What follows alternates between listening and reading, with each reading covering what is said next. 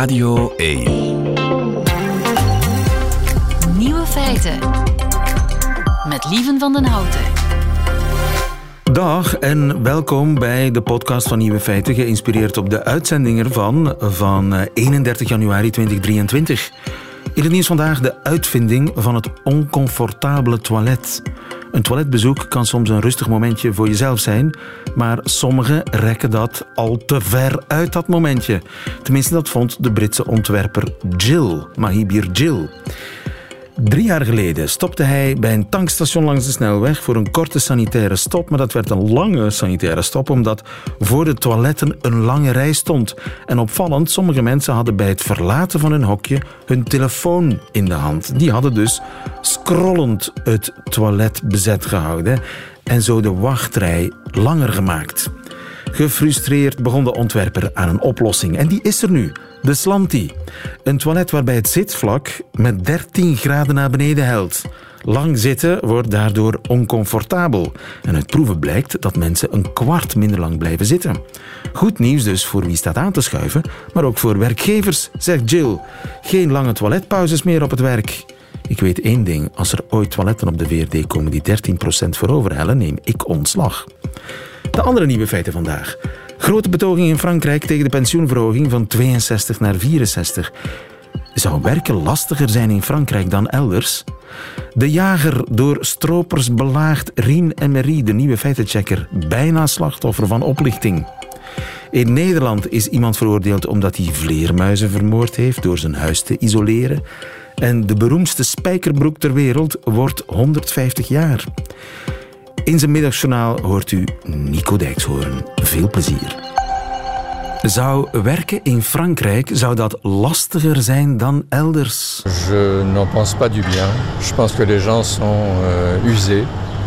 Uh, à l'âge de la retraite, donc uh, pourquoi leur donner des années supplémentaires, c'est pas la peine. Ja, op 62 ben je al helemaal usé, opge, opgebrand. Waarom er nog een paar jaar bij willen doen? Mia Doornaert, goedemiddag.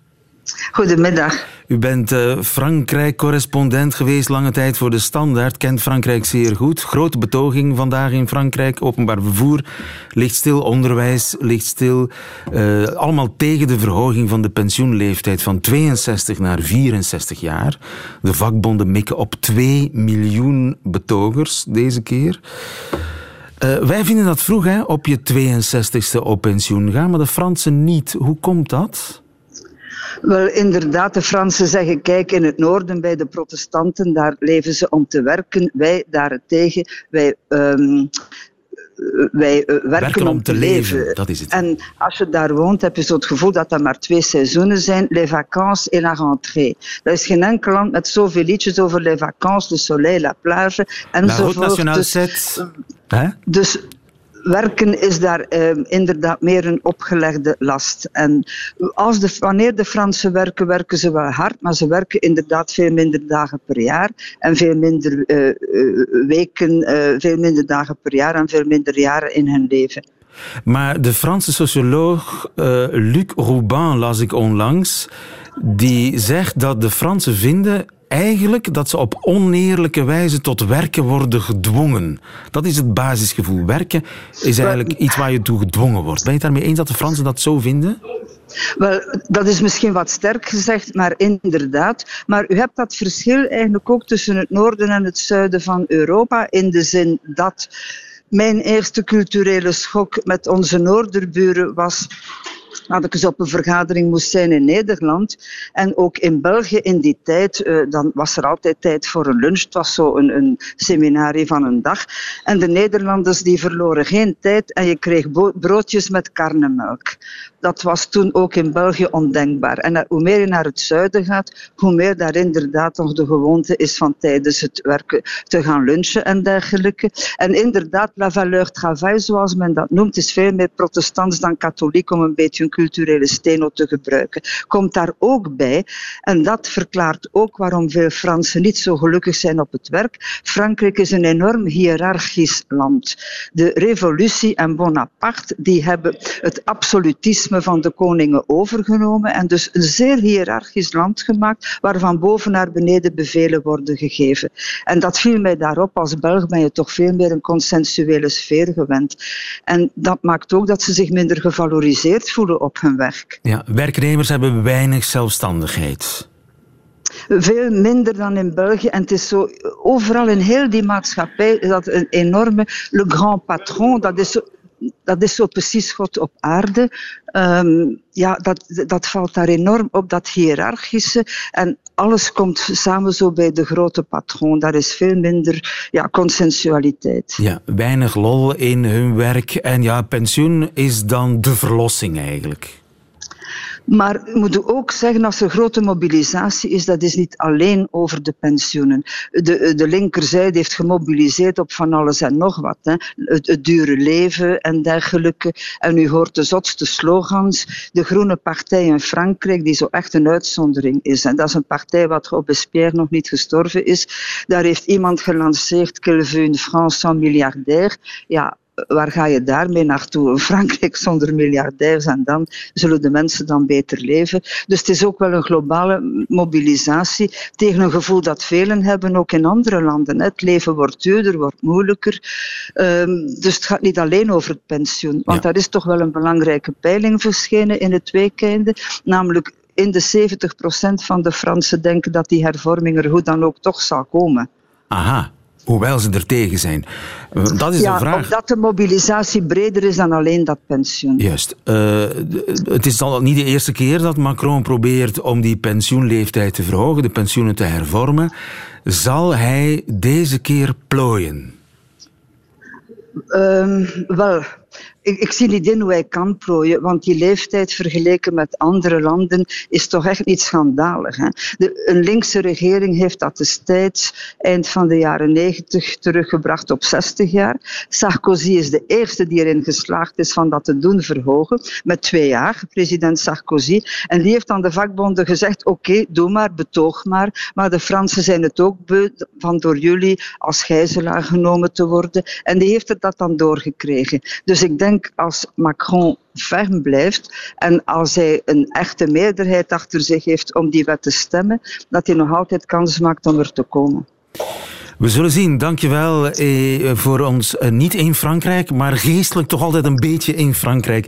Mia altijd. Do altijd. Mia Donaar, dankjewel. Goedemiddag. Goedemiddag.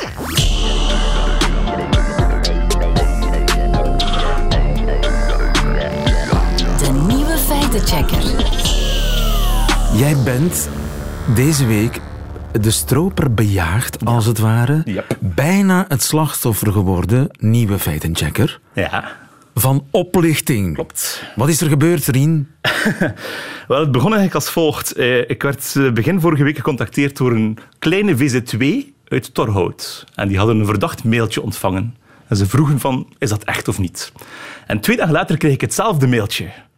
Hetzelfde mailtje, van hetzelfde bedrijf. En het bedrijf heet IPR Protection. Met de vraag? Met de vraag, met het verhaal, om te beginnen, dat mijn achternaam, Emery, waar we het net over hadden, door iemand was geregistreerd als een merknaam, als een trademark. Maar, zegden ze, we kunnen je helpen, we kunnen uh, in de bres springen voor jou. We weten dat dat jouw naam is. Eh? Dus als jij eerst gewoon die bij ons registreert en we zorgen daarvoor, eh, betalen ons zoveel honderden dollars, registreren we die en dan zijn we die andere persoon te snel af. Iemand wil jouw merk claimen? Ja. Heb jij een bedrijf dat Emery heet? Nee, nee, nee, zelfs dat niet. Maar ik, ik heb... Is Emery een merk voor jou? Ook niet. ik weet niet of dat dus je had kunnen antwoorden, doe maar, kan mij niet schelen. Um, ja, maar het, het, het punt is gewoon, het, het is allemaal onzin. Dus wat was er ook gebeurd? Die VZ2 had een gelijkaardig mailtje gekregen, die heette Spirit, dacht ik. Hoe weet je dat dat onzin is? Wel, um, als je gaat naar die website van dat bedrijf, het heet dus IPR Protection. IPR staat voor Intellectual Property Rights. Uh, dat ja. ronkend. Intellectuele rechten. Dat is een ronkende naam. Een ronkende naam. En het was een zeer professionele website. Ook het mailtje dat je kreeg was uh, in foutloos Nederlands. En het zag er allemaal heel overtuigend uit. En ook, ja, dat is de grote nachtmerrie van elke vereniging of uh, bedrijf of uh, persoon. Dat jouw eigen naam van jouw bedrijfje wordt geregistreerd door iemand anders als een trademark en dan kan je het niet meer gebruiken. Of, hetzelfde gebeurt ook vaak met websiteadressen. Um, als je naar die website gaat van dat bedrijfje, IPR Protection, waren er allemaal diensten aangeboden. Men, men, men, men kon uw merk registreren in de Benelux, in Europa, wereldwijd telkens duurder. Maar het grote probleem was de staf die erop stond. De, de personeelsleden van dat bedrijf die stonden allemaal vermeld. Bij naam. Er was iemand voor West-Europa, en voor Noord-Europa. Dat is een, een groot internationaal bedrijf, zo gezegd. Met foto? Met foto erbij. Ah. En daar, daar, daar, was het, uh, daar liep het al mis. Want als je naar die foto's keek, nauwgezet, kon je zien dat het deepfake-foto's waren. Jij kan dat zien? Ja. Um, Ik kan dat niet zien de meeste mensen weten het misschien al ondertussen, maar op websites zoals thispersondoesnotexist.com, dan maar eens naar This person does not exist.com. Als je daar naar surft, dat is een soort uh, machine en die maakt gezichten, deepfake foto's van gezichten. Sommige zijn, zien er heel overtuigend uit, andere zitten allemaal foutjes in. Maar sommige kan je heel moeilijk zien of het, of het deepfakes zijn. Nu, heel die, alle personeelsleden van dat bedrijfje dat zogezegd mijn merknaam wou registreren, waren allemaal deepfake foto's. Die bestonden dus niet. Hoe kon je dat zien? Um, de beste truc daarvoor als je heel goed let op de tanden en op het haar en zo, en aan de oren zitten er vaak ook foutjes. Maar de beste, de beste manier is om alle foto's te downloaden, op een rijtje te zetten, achter elkaar. En als je dan uh, één foto opendoet en je zet gewoon op je scherm je vingers op de pupillen van die persoon, en je gaat naar de volgende foto, en je gaat naar de volgende foto, en je gaat naar de volgende foto, zullen die pupillen allemaal op dezelfde plaats staan. Dus elke deepfake-foto die gegenereerd wordt... Geef jou cursus, hè? Kan ik bij jou een cursus volgen? Wow. Staan de pupillen op dezelfde plaats. Dat is iets heel typisch voor deepfake-foto's en meestal doet men niet te Maar er is geen software... Dat moet toch... Een ontmaskeringssoftware, dat moet toch bestaan? Bestaat, maar gratis niet. Ah, er, zijn er, er zijn gratis softwares, maar die werken niet. Want ik heb die geüpload eens om te testen van hoe goed is die software. Op een bepaalde website, ben de naam vergeten. Maar hij zei van, ah nee, dit is een echte foto. Terwijl het een deepfake-foto was. Oké, okay, dus je, einde verhaal? Wel, nee. Want uh, ik heb vervolgens die mensen eens gecontacteerd onder een ander, vanuit een vals e-mailadres, niet met mijn eigen naam. En mij voorgedaan als iemand die wou een naam van een uh, VZ2 registreren. Ja. De VZ2 Nieuwe Feiten. Nee. Ja. En, en, en, ze zeiden, ja, dat is geen, geen enkel probleem. We kunnen dat voor jou als merknaam registreren, Nieuwe Feiten in de Benelux of in Europa of in heel de wereld. Het kostte wel 699 euro voor de Benelux en bijna 1000 euro voor Europa en nog, nog veel meer voor de En toen? Wat, wat heb je toen gedaan? Heb je dat betaald? Ik heb het natuurlijk niet betaald, want de vraag is maar of dat er hier diensten geleverd worden. Dit is wat, wat, wat er nu gebeurd is met mij en met die VZ2, is iets wat al heel lang bestaat. Dus een soort scam-oplichters die al 15 jaar lang dit proberen. De enige nieuwigheid is die deepfake-foto's om het allemaal wat geloofwaardiger te maken voor mensen die geen deepfakes herkennen. Maar het is, het is iets dat al heel lang bestaat. Men probeert bedrijfjes, maar gaat dus gewoon in de openbare databanken, de kruispuntbank van ondernemingen en zo, gaat men naam van bedrijven allemaal gaan uittrekken. Die e-mailadressen staan er vaak bij. En men contacteert die. En men probeert dan bang te maken van je merknaam of heel vaak ook je e-mail, uh, je, je websiteadres of een gelijkaardig websiteadres met jouw naam. Ja, is bedreigd. Iemand wil dat, in, wil dat van onder jouw neus wegsnoepen, maar we kunnen je helpen voor deze en deze en deze som. Dus bijna um, altijd zijn dat fake... Uh... Ja, bijna altijd. Het, het, is oorspronkelijk begonnen als mensen die dan echt die diensten leverden, voornamelijk voor die websiteadressen, die dan echt aan, aan een veel te hoge prijs echt een, een, het, het websiteadres registreerden voor je. Maar tegenwoordig zitten er gewoon ook oplichters bij die helemaal niks doen en je geld incasseren en dan twee weken later hun website van naam laten veranderen. Want... Als je die deepfake-foto's opzocht, vond je die personen... Het was Teun Maas, was de persoon die zogezegd verantwoordelijk was voor uh, West-Europa. Hey, vond je die persoon met dezelfde, met dezelfde naam en dezelfde deepfake-foto, vond je terug op een andere website die niet IPR Protection heette, maar EU Brand Protection. Dus om de zoveel tijd verandert men van naam. Omdat cumuleerde. Uh... De mare begint zich dan te verspreiden van ja, pas op voor dat bedrijfje IPR Protection. En dan als die naam verbrand is, nemen ze een nieuwe. Ze kopiëren ja. de hele site, ze plakken er een nieuw logootje op en ze doen gewoon verder. En dat gaat al 15 jaar zo.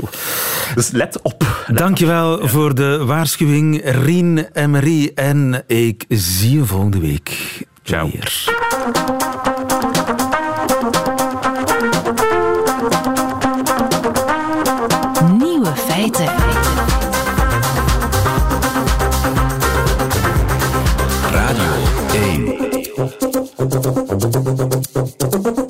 Zijn niet zoveel kledingstukken van 150 jaar geleden die uh, nog steeds worden verkocht in de winkelstraten. Er is één notoire uitzondering, een broek die dit jaar 150 wordt. En dat is de Levi's 501. Misschien draagt u er op dit moment wel één. Vele Windels, goedemiddag. Goedemiddag. Modejournalisten. Uh, eh, 150 jaar geleden vond Levi's de 501 uit. Klopt dat? Ja, het is een beetje een, een, een ingewikkeld verhaal. In die zin, het is het verhaal van de American Dream. Hè. We hebben aan de ene kant uh, Levi Strauss. Dat is een, uh, een, een, Duitser die een immigrant is, uh, die eh, in 1847 naar New York komt en later doortrekt naar San Francisco. En een paar jaar later, met name in 1872, ontmoet hij Jacob Davis. En die Jacob Davis die is de uitvinder van de rivet. Dat is dat spijkertje dat op die jeans uh, te zien is tot vandaag. En die ontmoeten elkaar en, en die Davis die zegt, uh, ja, zouden we niet samenwerken? Zouden we dat niet patenteren ook? En dat patent, dat dateert van 1873. En is dus exact 150 jaar geleden. Dus zij hebben eigenlijk de jeans uitgevonden? Jeansbroek. Ja, eh, de, de, de werkbroek bestond al, hè, eh, maar zij hebben die gemaakt bijna zoals die er vandaag uitziet. Hè, met vijf zakken, met een buttonfly vooraan. Dus allemaal knopen om je broek open te doen en dicht te doen.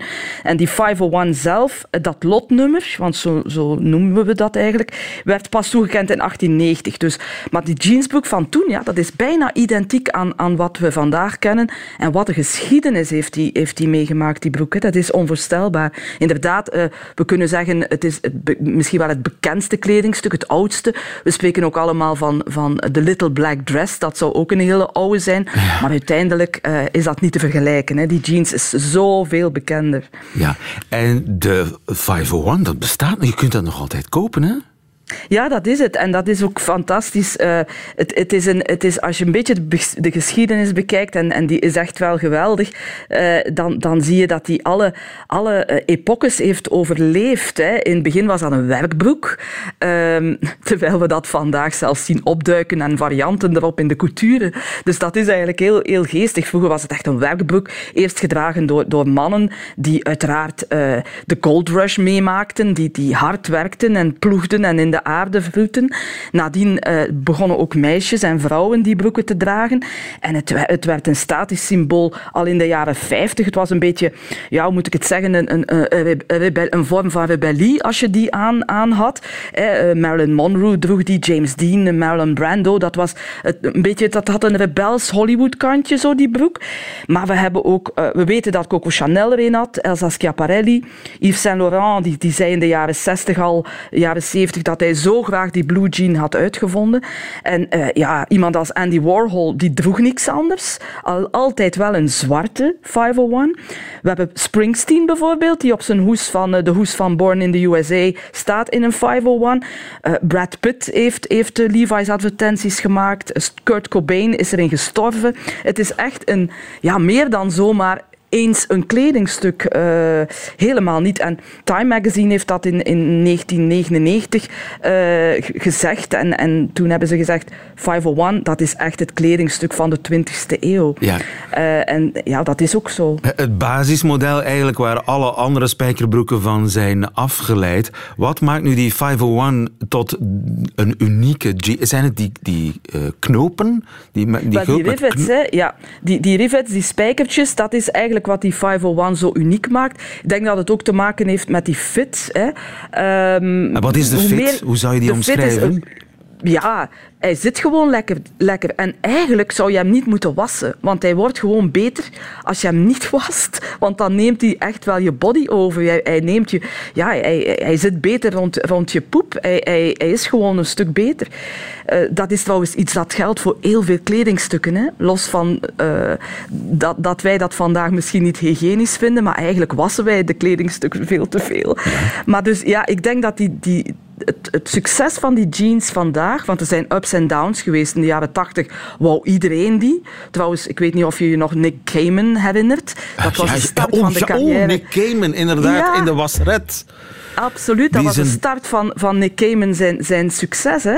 Ehm, Die zijn en- 501 uittrok in de wasret, voor alle Totaal, duidelijkheid. totaal. En dan, dan heb je de jaren, de jaren daarna, en zeker de jaren 2000, weer een beetje problematisch voor die 501, want dan hadden we de skinny jeans en Levi's was niet mee. Dus er zijn ups en downs geweest, maar telkens weer als ze teruggrijpen naar die 501, ja, dan, dan is er toch ergens iemand die zegt van, dit wil ik hebben. En die iemand, dat is over de alle generaties heen. En dat is zo tof. Je hebt, je hebt heel jonge mensen die er plots voor gaan en je hebt oude mensen die er ah, nog altijd bij zweren. Dus je zit daar met, met iets dat ja, over de generaties heen populair blijft. Eh, en, nu en nu en dan ja, zelfs heel erg hip wordt. En het helpt natuurlijk als, als mensen in Hollywood hem dragen. Onlangs las, las ik nog een boek van wat, wat dragen kunstenaars, een heerlijk boek, eh, What Artists Wear. En daar, daarin, daarin staan verschillende artiesten die zweren bij hun 501. Ja, het is eh, een broek met een geheim dat niemand echt helemaal ontrafeld heeft. Die allereerste 501. Hoe zag die eruit? En bestaat die nog? Nee, want de, dat, is, dat is eigenlijk ongelooflijk. Ik ben ooit in San Francisco eh, geweest bij, eh, bij Levi's in hun headquarters. Dat is daar bijna Levi's Town, moet je weten. Eh, daar hebben ze een archief, maar ze zijn ontzettend veel kwijtgeraakt in de brand van 1906 in San Francisco. Een, een basisarchief zijn ze kwijtgeraakt. Ze weten zelfs niet meer heel goed waar die 501, dat nummer, nu exact voor staat. Ze gaan ervan uit dat, dat, dat, dat die 5 eh, dat dat een soort kwaliteitscijfer was. En 01, dat dat staat voor het eerste ontwerp dat ze toen goedgekeurd hebben. Maar ze weten dat ook niet zeker. Dus hij bestaat niet meer. Wat ze wel doen, is oude jeansen, van die eerste generatie jeansen, zeg maar, opkopen als ze die vinden. Ze staan ook open voor iedereen die iets in de aanbieding heeft van die allereerste jeansen, uiteraard. Wat brengt dat zo ja, op, een, een jeans van een jaar of honderd oud? ja, geen idee. Ik weet, ik weet wel dat de initiële jeans, hou je vast, te koop was voor 75 dollar cent. Dus eh, dat is eh, niet meer de prijs van vandaag, denk ik. Daar moeten er een paar nullen bij. Ja. Dat denk ik wel. Maar was die, was die veel groter? En, en, had- of, of had Misschien dat wel wat baggier. Ja. Ja. misschien wel wat baggier, dat denk ik. Eh, hij, hij moest natuurlijk ehm, tegen wat beweging kunnen. Hè, want die mannen, die, die, die origineel toch de dragers waren van die spijkerbroek, die, die gingen op de knieën zitten hè, om al dat goud te, te vinden en, en te zoeken. En, en, dus het, ja, het was wel wat wijder. Maar, maar eigenlijk alle onderdeeltjes, want dat heb ik ook even opgezocht, die, die, zaten er, die, die zitten er tot vandaag aan hoor. En dat is, dat is gek, hè, dat, dat, dat dat toch al die tijd heeft overleefd. Ja. Het, en dan het kleine weten- zakje voor de muntstukjes en zo. Bijvoorbeeld, bijvoorbeeld. ehm, je hebt ook zoiets, moet het, eh, de kinch, dat is het verstelriemetje, de betelknopen. eh, dat, ja, dat was eigenlijk al iets dat aan een mannenwerkbroek zat. Maar wat zij eraan toegevoegd hebben, namelijk die rivetten, dat is eigenlijk wat, wat die 501 zo anders en origineel eh Ja, de maakt. spijkers. En vele. Heb je er zelf in in de kast hangen? Oh ja, Ja? natuurlijk wel. Ja, ja, ja. ja. En je was die nooit? Moet ik daarop Of antwoorden? heb je trucjes in de diepvries steken, dat soort dingen? Maar, maar dat, is, dat is echt iets wat we, wat we eens moeten nagaan. Hè. Ehm, je, ik denk dat, dat, een, dat eigenlijk een jeans, dat je dat echt niet zoveel moet wassen. Dan gaat die veel beter zitten. En dan kun je misschien ooit terugverkopen aan het museum van Levi's. Sowieso, sowieso moet je dingen bijhouden en, en dan herontdekken later. Ja. Vele Windels, dankjewel voor deze tips en dit prachtige verhaal over een broek die 150 jaar geleden werd uitgevonden. Goedemiddag nog verder. Graag gedaan.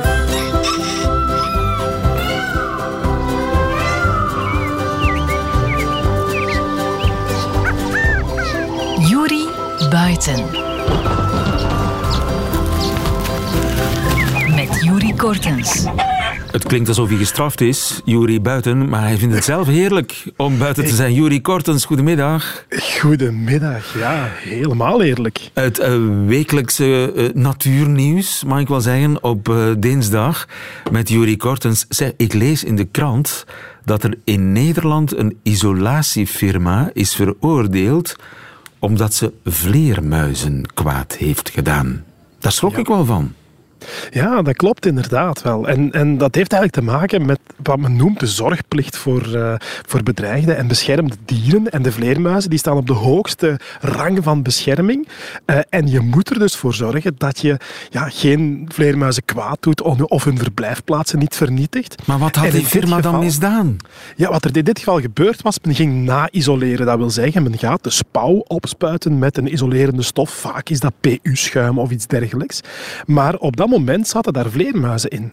Uh, en dus zijn die vleermuizen helemaal in het plakkerige goedje beland. Dan zijn ze op Facebook beland, achteraf met die foto's.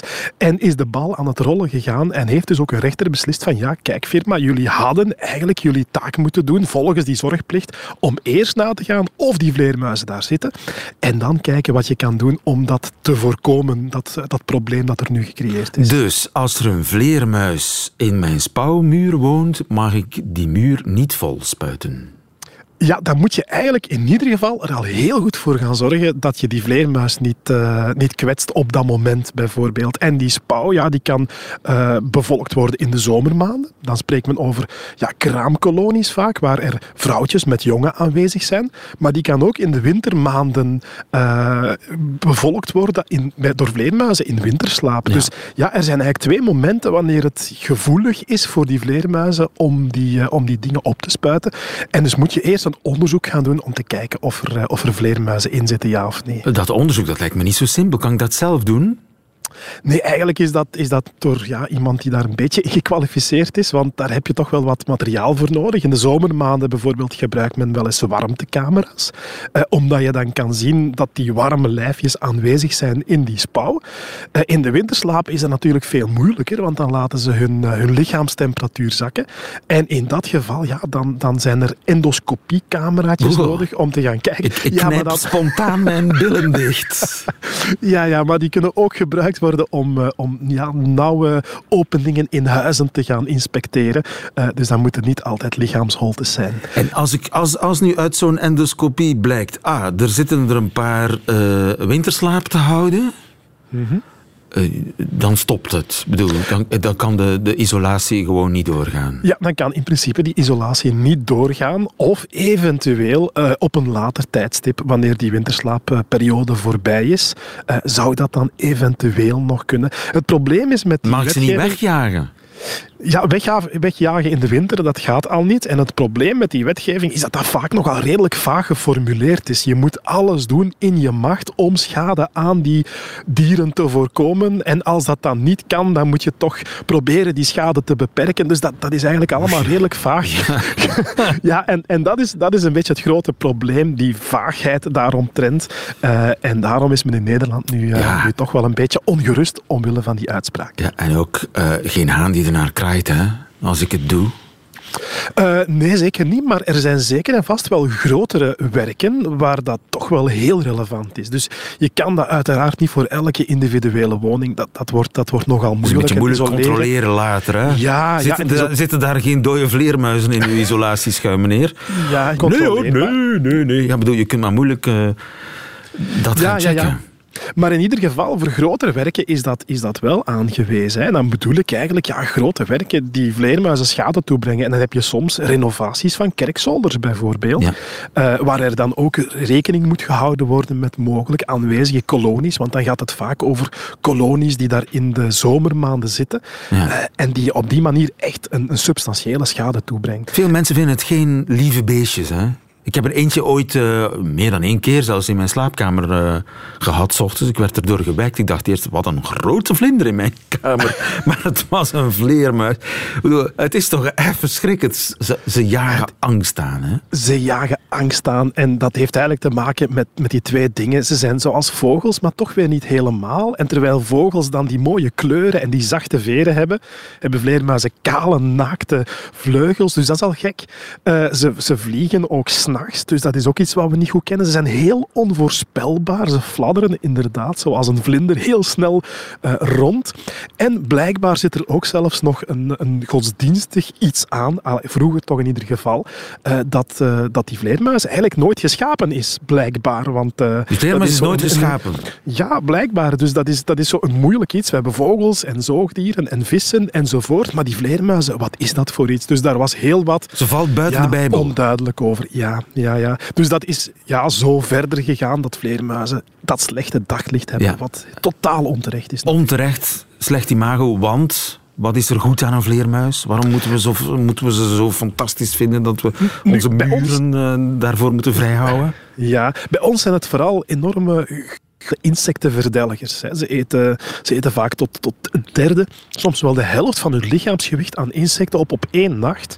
Dus dat is gigantisch veel. En zou je die vleermuizen wegdenken, ja, dan, uh, dan gaan de muggenpopulaties in één keer serieus kunnen gaan toenemen. Uh, dus dat is eigenlijk een van die belangrijkste dingen. Maar op wereldschaal zijn er bijvoorbeeld ook vleermuizen die uh, gewassen bestuiven. Bananenbloemen bijvoorbeeld, waardoor wij bananen kunnen eten. Of mango's, of zelfs koffie wordt vaak bestoven door vleermuizen. Dus vleermuizen als groep zijn, uh, zijn zeer nuttige dieren. Waarom hangen ze ondersteboven? ja, dat heeft eigenlijk grotendeels te maken met hun ja, lichaamsbouw, die volledig is, is, is gefocust op het vliegen. En dat vliegen, uh, dat gebeurt met een vlieghuid die gespannen is tussen hun vingers, tussen hun armen en ook hun benen. Dus de volledige zijflanken, dat is allemaal uh, vleugel. Die pootjes zijn zelf heel kort en ze kunnen gewoon niet rechtop ergens gaan zitten met die lichaamsbouw. En dan is eigenlijk de handigste manier om ergens te gaan hangen. En dan zijn er twee mogelijkheden. Ofwel ga je aan je duimpje hangen, want ze hebben nog een klein kort duimpje aan die vleugels waar ze ook zich aan kunnen vasthechten. Ofwel is dat ondersteboven aan die sterke klauwen. Uh, en is het dus dat geworden. Dus vleermuizen gaan op die om die reden gemakkelijker ondersteboven houden. Maar ze, hoe doen ze dan pipi? En kaka. Sorry, dat, ja. maar dat is toch een vraag. Sorry, ik heb die dat vraag. dat is een belangrijke vraag. Dat, kan toch niemand? Uh, misschien dat sommigen het misschien wel kunnen, maar vleermuizen zeggen dan plots, ah, dan gaan we toch even rechtop hangen. Dus ze hebben nog altijd die duimpjes waarmee ze dan rechtop kunnen hangen even hun, uh, hun, hun behoefte doen en dan terug lekker ondersteboven gaan hangen. En trouwens, het, het geboren worden, het, het, het, jonge baren, is eigenlijk net op dezelfde manier. Dan gaan vrouwtjes, vleermuizen, aan hun duimpjes hangen. Uh, dus rechtop staand in onze Ze kunnen uh, heel even rechtop. Ja, ja, ja maar ze, ze gaan dan wel hangen. Volhouden. Nee, ja, ze kunnen dat wel redelijk volhouden, maar ze gaan dan hangen. Ze krijgen dan die baby en die wordt dan opgevangen in de staarthuid. Uh, en dan wordt die meteen uh, op die manier lekker omsloten. Met zijn duim... Uh, ze hangen, maar ze hangen dan niet ondersteboven? Nee, met de duimpjes hangen ze niet ondersteboven. Dus dat is eigenlijk net met, met de kop omhoog. De duimen die hangen natuurlijk aan de voorste ledematen. Daar zijn kleine korte nageltjes aan. En daarmee kunnen zij zich rechtop hangen in plaats van ondersteboven. De vleermuis, we moeten ze beschermen en we moeten alleszins goed uitkijken voor we onze muren gaan isoleren om te zien of daar geen vleermuisjes in zitten. Dankjewel en tot volgende week. Jurie Kortens. Tot volgende week. Nieuwe feiten. Radio 1. En dat waren ze meteen de nieuwe feiten van 31 januari. Alleen nog die van Nico. Heeft u te goed. Nico Dijkshoorn in het Middagjournaal. Nieuwe feiten. Middagjournaal.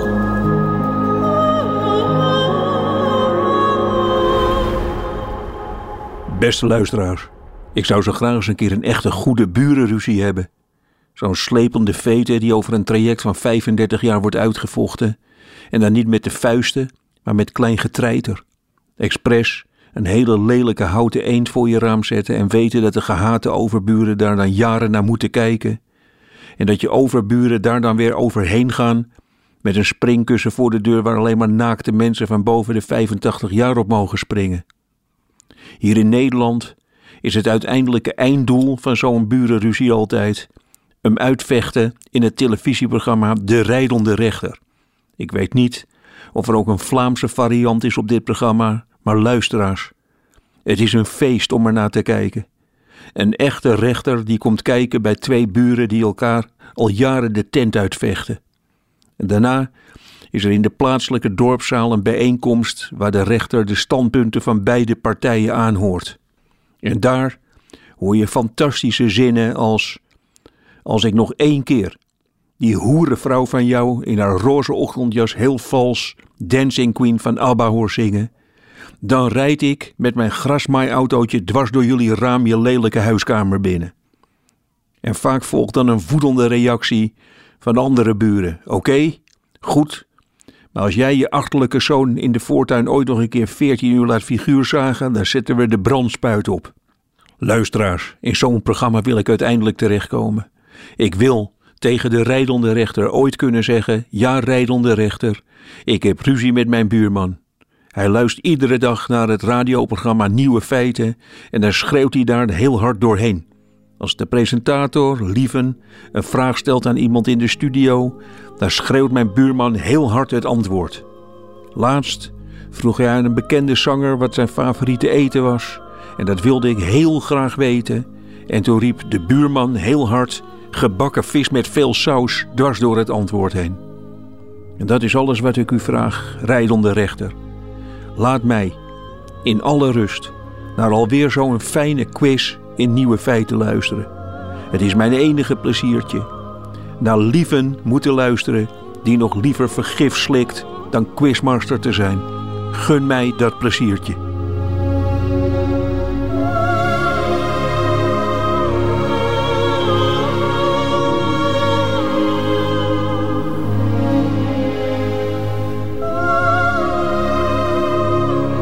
Weet werkelijk alles. Einde van deze podcast met het uh, middagjournaal van Nico Dijkshoorn. Hoort u liever de volledige uitzending van Nieuwe Feiten, dan kunt u dat doen live elke werkdag tussen 12 en 1 op Radio 1 of on demand via de Radio 1 website of app. Tot een volgende keer.